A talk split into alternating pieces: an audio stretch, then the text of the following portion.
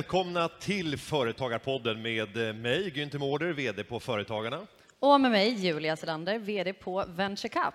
Och för alla som nu lyssnar till det här så skulle ni se den synen som vi har framför oss. Vi är på Berns salonger. Framför mig så ser jag flera av Sveriges mest framgångsrika företagare. Vi ska fira årets företagare ikväll och vi är nu på Småföretagardagen. Företagarpodden, vad är det för någonting? Jo, men det är som vi hörde här, det är ju kanske Sveriges absolut bästa podd inom eh, företagarfrågor helt enkelt. Och den kommer Tveklöst. Ut, tveklöst. Den kommer ut varje onsdag där poddar finns och eh, vi tar upp eh, stora och små frågor som rör företagande helt enkelt. Och det är du som lyssnare som skapar innehållet till podden. Hur gör man för att skapa innehållet till podden? Jo, det är så att man, den bygger helt på lyssnarfrågor, så att det är ni som gör materialet. Och då använder man antingen hashtaggen Företagarpodden, kan man använda på Twitter eller på Twitter? Twitter, eh, eller på Instagram. Eller så går man in på eh, företagarpodden.se om man vill skriva lite längre frågor. Och så tar vi upp dem. Och idag är det ju ett eh, specialavsnitt får man säga eftersom vi befinner oss här med 500 framgångsrika företagare på Berns. Så därför så kommer vi att fokusera på en inbjuden gäst som snart kommer få presenteras. Men jag tänkte ändå att vi ska ta en fråga som har kommit in till podden. Ska vi göra det? Ja, det gör vi. Okej. Ska vi se om det kommer upp någon. Ja, då har Birgitta här i Luleå som ni ser, hon har använt hashtaggen Företagarpodden och hon skriver så här. Hej Företagarpodden! Måste jag verkligen, an... Nej, förlåt. Måste jag verkligen anmäla verklig huvudman för mitt aktiebolag? Tacksam för svar. Ja, eh, vi kan undersöka här i publiken hur många har anmält verklig huvudman. Ja, det är ungefär, kan vi berätta för lyssnarna, 22 procent är min uppskattning. Och då vill det till att ni rappar på, för att eh, ni har, jag tror att det är fram till februari på er att göra det. Det här har att göra med penningtvättsdirektiven och nu vill man på europeisk nivå kunna undersöka vem är det som verkligen kontrollerar företaget. Och då måste man registrera alla ägare som kontrollerar 25 procent eller mer av rösterna eller har möjligheten och rättigheten att utse minst hälften av styrelsen. Och då kan man ställa sig frågan, varför ska vi nu göra det här och inte det ytterligare en pålaga? Ja, det här är något som sker på europeisk nivå för att kunna skydda oss från egentligen det skumrask som annars kan få navigera fritt, där man inte vet vem som egentligen äger bolaget. Eh, sen kan man ju fundera över andra typer av lösningar på det här, men nu implementeras det här runt om i hela Europa och alla som driver ett företag, ett aktiebolag, har fått hem ett brev för eh, bara tre veckor sedan var det för min del, men under den senaste månaden så har det här brevet kommit in. En häftig grej här också, det är ju att det kanske inte första gången, men det här är enda sättet att lämna det, det är digitalt. Och det tycker jag ändå är ett, ett framsteg. Alltså det är nästan värt en applåd tycker jag. Ja, det tycker jag. Digitaliseringen. Sen kan man få undantag. Man kan få undantag om man vill fylla i en pappersblankett för att lämna in det. Men det läggs enormt mycket tid, energi och arbete och slöseri på papper och porto för att hantera sån här myndighetskorrespondens. Mm. Ja, så här kan det låta eh, som en typfråga, men nu vill jag att till nästa vecka så ska vi ha 550 frågor. En fråga från alla här inne på Berns och sen så ytterligare 6-7 tusen frågor från alla som lyssnar på sändningen Mm. nu i efterhand. Ser fram emot det. Ställ gärna kluriga frågor, för det brukar vara Günthers favoritgren. Ja, och din också va? Verkligen. Men du, jag tänker så här. Nu har vi världens bästa eh, publik här. Jag tänker att vi ska bjuda dem på någonting extra. Och därför så kommer vi inte hinna med fler frågor idag. Nej. Utan vi kommer att eh, bjuda in en eh, person som eh, ja, ligger mig lite extra varmt om hjärtat. Ni ska få höra varför sen. Ehm, det är alltså en superentreprenör. Han har tagit tid i sitt hektiska schema för att komma hit och prata med oss, om er. Eh, och han är en bolagsbyggare av rang. För att introducera hans eh, lilla resa innan vi börjar prata så ska ni få höra mer. Varsågoda.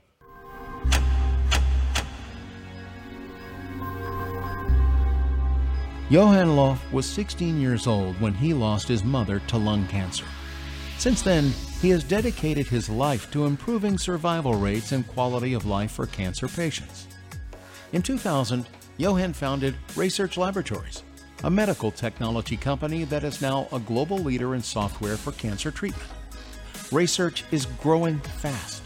The company is listed on the Nasdaq Stockholm Stock Exchange, and net sales rose 34% in 2016 to exceed 500 million Swedish kronor.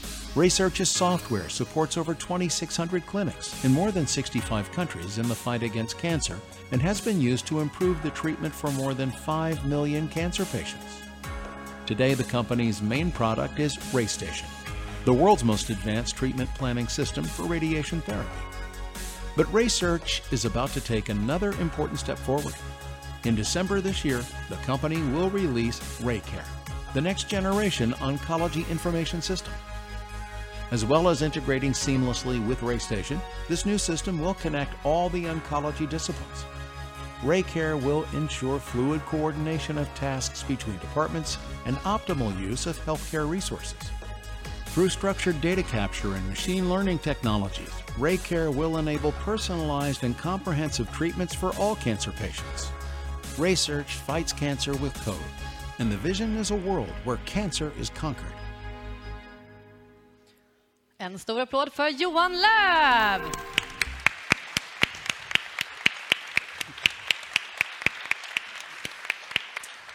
Tack. Välkommen till Företagarpodden. Ja, jag en kram. Hej, välkommen. Tack så mycket. En häftig, häftig story. Hur började allt det här? År 2000 startades bolaget. Just det. Eh, hur långt ska vi gå tillbaka tycker du, i, i Ja, tiden? vad, vad behöver vi för att förstå varför det här har kommit till? Ehm, egentligen, eh, jag kom in på cancerbehandling kan man säga under eh, teknisk fysik på KTH. Eh, då ska man välja exjobb i slutet och eh, jag hittade ett otroligt intressant exjobb inom eh, strålbehandling av cancer. Eh, det handlar mer specifikt om hur man skulle utforma behandlingsstrålarna så att de kunde han, hantera osäkerhet i, i läget hos tumören. Eh, och det där tyckte jag var jätteintressant. Och sen började jag doktorera inom området. Eh, fortsatte där under eh, sex år. Under mitt sista doktorandår så var jag med i en affärsplanstävling som heter Venture Cup. Nej, men, är det sant? Har du hört talas om den? Nej. Nej, okej. Eh, Jag var med där under sista året och eh, växte fram en idé. Egentligen. Jag såg potentialen, kommersiella potentialen i, i min forskning. Och eh, bestämde mig att starta Research. Så I samband med att jag disputerade 2000 så, så drog jag igång Research helt enkelt. Så i korta ordalag så, och var det så det gick till. Och var det självklart för dig att bli företagare? Eh, absolut inte. Jag, eh, jag tänkte bli forskare. Det var min tanke. Och, eh, det var under det här året som... Fast man är lite entreprenör som forskare också, tror jag. Eh, sen såg jag bara möjligheten under den, under den, här, den här processen. Så eh, ja, jag kan slå ett slag för Venture Cup här. Jag är också involverad numera. Så att, men det var helt avgörande, tycker jag, för Research eh, tillblivelse. Finns det någonting i din uppväxt där du ser att här kan jag identifiera att det hände någonting i mitt liv som kom att bli avgörande? Vi hörde Christian Lok tidigare som pratade om så här, avgörande ögonblick som har format livet. Finns det några sådana i ditt liv? Eh, absolut, det framgick ju i filmen här också att eh, när jag var 16 år så dog min mamma i, i lungcancer och det, det var ju otroligt jobbig, eh, jobbig sak. Jag var enda barnet. Eh, Eh, pappa gick bort två år efter det också så att det var eh, liksom ofattbart eh, besvärligt. Ehm, men, men fram till det hade jag haft en fantastisk liksom, uppväxt och väldigt stabil barndom och det tror jag gjorde att jag kom igenom det där och sen när man väl kommer igenom en sån grej så är man ju kanske extra stark. Det har helt klart påverkat mina val efter. Och sen när jag då skulle välja, jag hade tänkt bli fysiker sen lång tid tillbaka, så när man då ska liksom välja sin forskningsinriktning så där, självklart så hade eh, mammas bortgång en viktig inverkan på valet av, av eh, forskningsområde. Och och om du ser till eh, hur stort det här har kommit att bli, för nu är det 18-årsjubileum nästa år, Just det. myndighet, eh, my- mynd, myndig. Eh, Det har ju varit en otroligt snabb resa och ni är idag ett eh, globalt företag med försäljning i 65 olika länder. En ofattbar resa. Ja, men så fort tycker jag inte att det har gått ändå. Det har vi hållit på i 17 år. Vi är 250 anställda idag. Vi har vu- vuxit Ehm, lugnt och sansat. Ehm, under, vi har liksom tagit det steg för steg. Dock accelererat det här året. Vi har anställt 90 personer bara under 2017. Så det är klart det är en, det är, det är en stor andel av 250. Så nu, nu växlar vi upp. Ehm, men ja, Och tänk att allt det här började enbart på grund av Venture Cup. Va? Vilken grej! Nej, skämt åsido. Men eh, det går ju inte, om man tittar på, det finns många företagare som både lyssnar och sitter här i publiken idag. Och det handlar inte bara om att ha ett jäkla driv, man måste också vara duktig ledare. Eh, och den här framgången hade inte varit möjlig om du inte hade varit en skicklig sådan. Vad, vad tror du är nycklarna i, i din resa för just vad gäller ledarskapet i research? Det är ganska svårt att svara på. Man, eh, jag, jag tänker inte på hur ska jag vara en bra ledare, utan jag tänker snarare på... Eh, vi har en väldigt tydlig vision i företaget. En, det är lätt att samla folk kring den där visionen. Vi räddar liv. Det, alla, alla kan liksom bli passionerade kring det. Eh, jag visar stort engagemang. Ingen i organisationen tvekar om att jag är engagerad. Liksom det, det märker man. Ehm, Vi eh, bygger en stark kultur i bolaget. Jag tar, försöker ta väldigt väl hand om alla anställda. Nu när vi är globala så ehm, är det viktigt att behålla den här kulturen. Så en, en vecka varje augusti så flyger vi in alla faktiskt till Stockholm och har workshops och möten och, och försöker bevara den här kulturen. För nu har vi mycket folk i Kina, Japan, i Singapore, Europa och sådär. Så det blir mycket större avstånd jämfört med när vi alla satt här på, på Sveavägen och, eh, och jobbade ihop. Um, Så vi, vi jobbar mycket med, med uh, kultur och, och gemenskap. Jag försöker ta bra hand om mina medarbetare. Vi hade en medarbetarundersökning faktiskt som jag fick resultatet för häromdagen. Och, eh, mhm. Nu misstänker jag att resultatet är bra. Ehm, det är jättedåligt. Det är en Nej, men ehm, över, se- över 96 procent var så här, stolta över att de jobbar på Research. Och det tycker jag ändå. Undrar vad de där 4 procenten... Ja, de är man Men det, men det är väl värt en applåd, tycker jag. Ja, verkligen.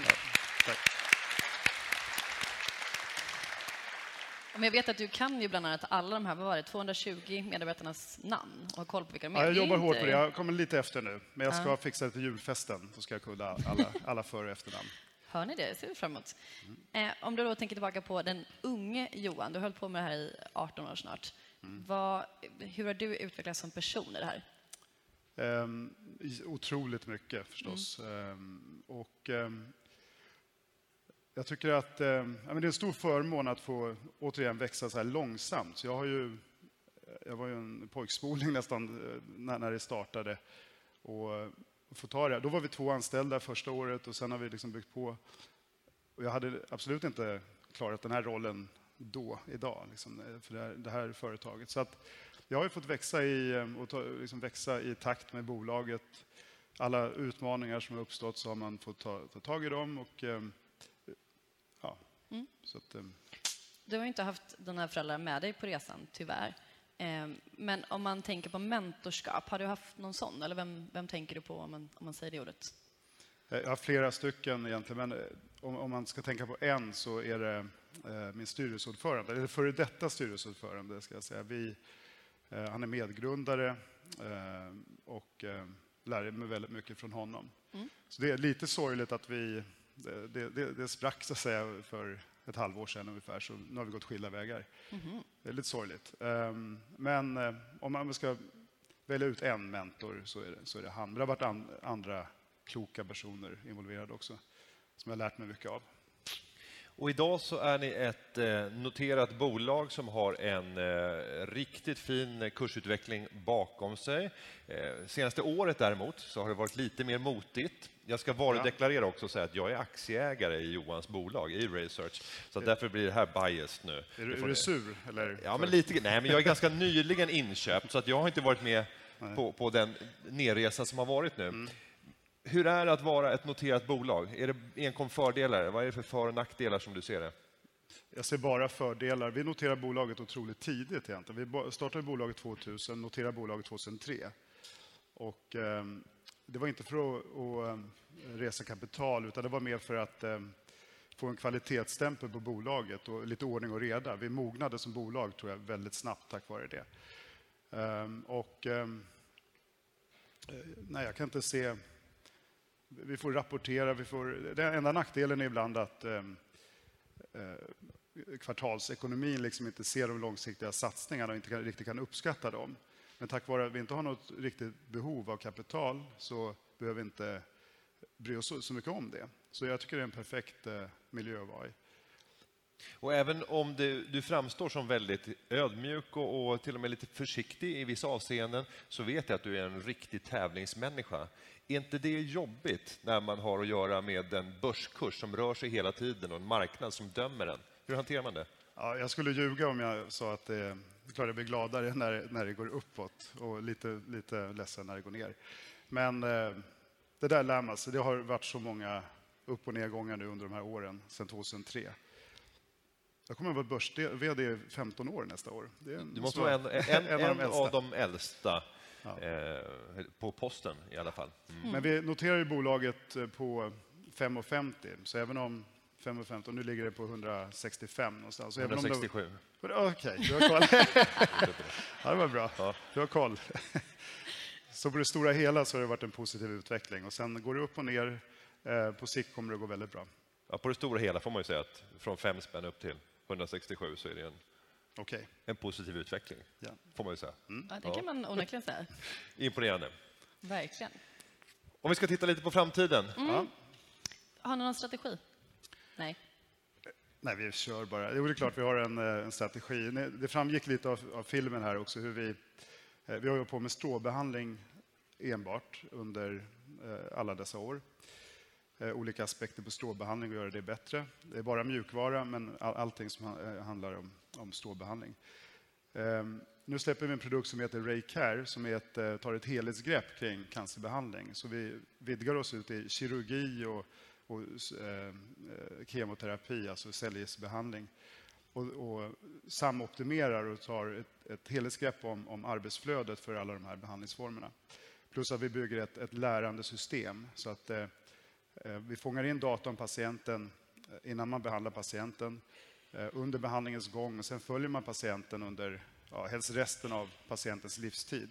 Så man kan se vilka behandlingar som är effektiva vilka som inte är det och sen återkopplar man det där så att systemet hela tiden lär sig vad som är som bra eller inte. Och det, det kommer verkligen förändra hur man, hur man hanterar cancer. Det är otroligt spännande och det är framåt. Men jag tänker så här, er vision är att utrota cancer. Vad ska du göra då? Då finns det inga kunder kvar. Um, ja, det, vi får ta den smällen, det är helt okej. Okay. Bra svar. Då drar jag mig tillbaka. Ser fram emot det. Vad, vad har ni för eh, konkurrenter? Eh, det är ett ganska enkelt eh, landskap egentligen. Vi har, vad det gäller Raystation, den här första produkten som vi har sålt nu sedan 2012, som driver tillväxten just nu. Där, där har vi tre konkurrenter och vi, har, vi är verkligen ledande där vi växer snabbast. Eh, det här nya systemet Raycare, där har vi bara två konkurrenter, två, två stora företag. Och, eh, och, vårt system kommer att vara helt, eh, helt nydanande när det kommer ut. Vi släpper det i december nu i år, första. Vi har jobbat på det sedan 2012. Och, de största, mest välrenommerade klinikerna som MD Anderson Cancer Center i Houston, det är världens största cancerklinik, Eh, en partner med oss i det här. Och vi har fem andra eh, kliniska partners som verkligen tror att det här är vägen framåt, eh, att hantera cancer och förbättra cancerbehandling. Ja, det låter som att det kommande året kommer att bli väldigt spännande när man lanserar en sån stor och viktig produkt. Här framför dig har du företagare som har gjort olika resor och som alla har haft sina utmaningar och, och, sina möjligheter och skördat framgångar och motgångar. Om du ska försöka summera de här 18 åren som företagare själv, eller 17 åren, eh, och ge två eller tre tips till okay. företagare från helt andra branscher. Vad skulle du vilja skicka med till lyssnarna och de närvarande här på Berns? Mm. Ja, det första är ju, nu kanske man är i en bransch redan, man måste hitta ett, ett område som man är väldigt passionerat intresserad av. Um, och det, men det, det förutsätter jag att, att, att, ni har gjort redan. Um, man uh, ska omge sig med fantastiska medarbetare, vara noga med rekryteringen. Vi är alltid extremt noga med vilka vi uh, tar ombord, så att säga. Um, what else? Jobba hårt, uh, ha kul. Det är viktiga saker, viktiga aspekter också. Jag brukar alltid ha som, istället för att säga bara godnatt till min son, så brukar jag upprepa en ramsa som han sen får säga. Och, och det är... eh, Vänta, vänta, vänta. Ja, Det är någonting med företagen alltså? Du brukar ju prata om att du hjärntvättar honom. Att ja, ja, säga- absolut. Ja. Det, och det är meningen. Eh, och det är, man kan bli nästan vad man vill, men man måste kämpa. Det är det viktigaste i livet, pappa. Så det är det sista vi säger varje natt. Ska, ska alla upprepa det här nu? Ja, ska jag. vi pröva allihopa? Jag kan bli nästan vad jag jag vill, men jag jag måste kämpa. Det är det viktigaste i livet. Livet. Pappa. Pappa. Vi får se vad det får för effekt. Ja. Men med det så tycker jag att vi tackar Johan Löv från Research och vi eh, avslutar Företagarpodden.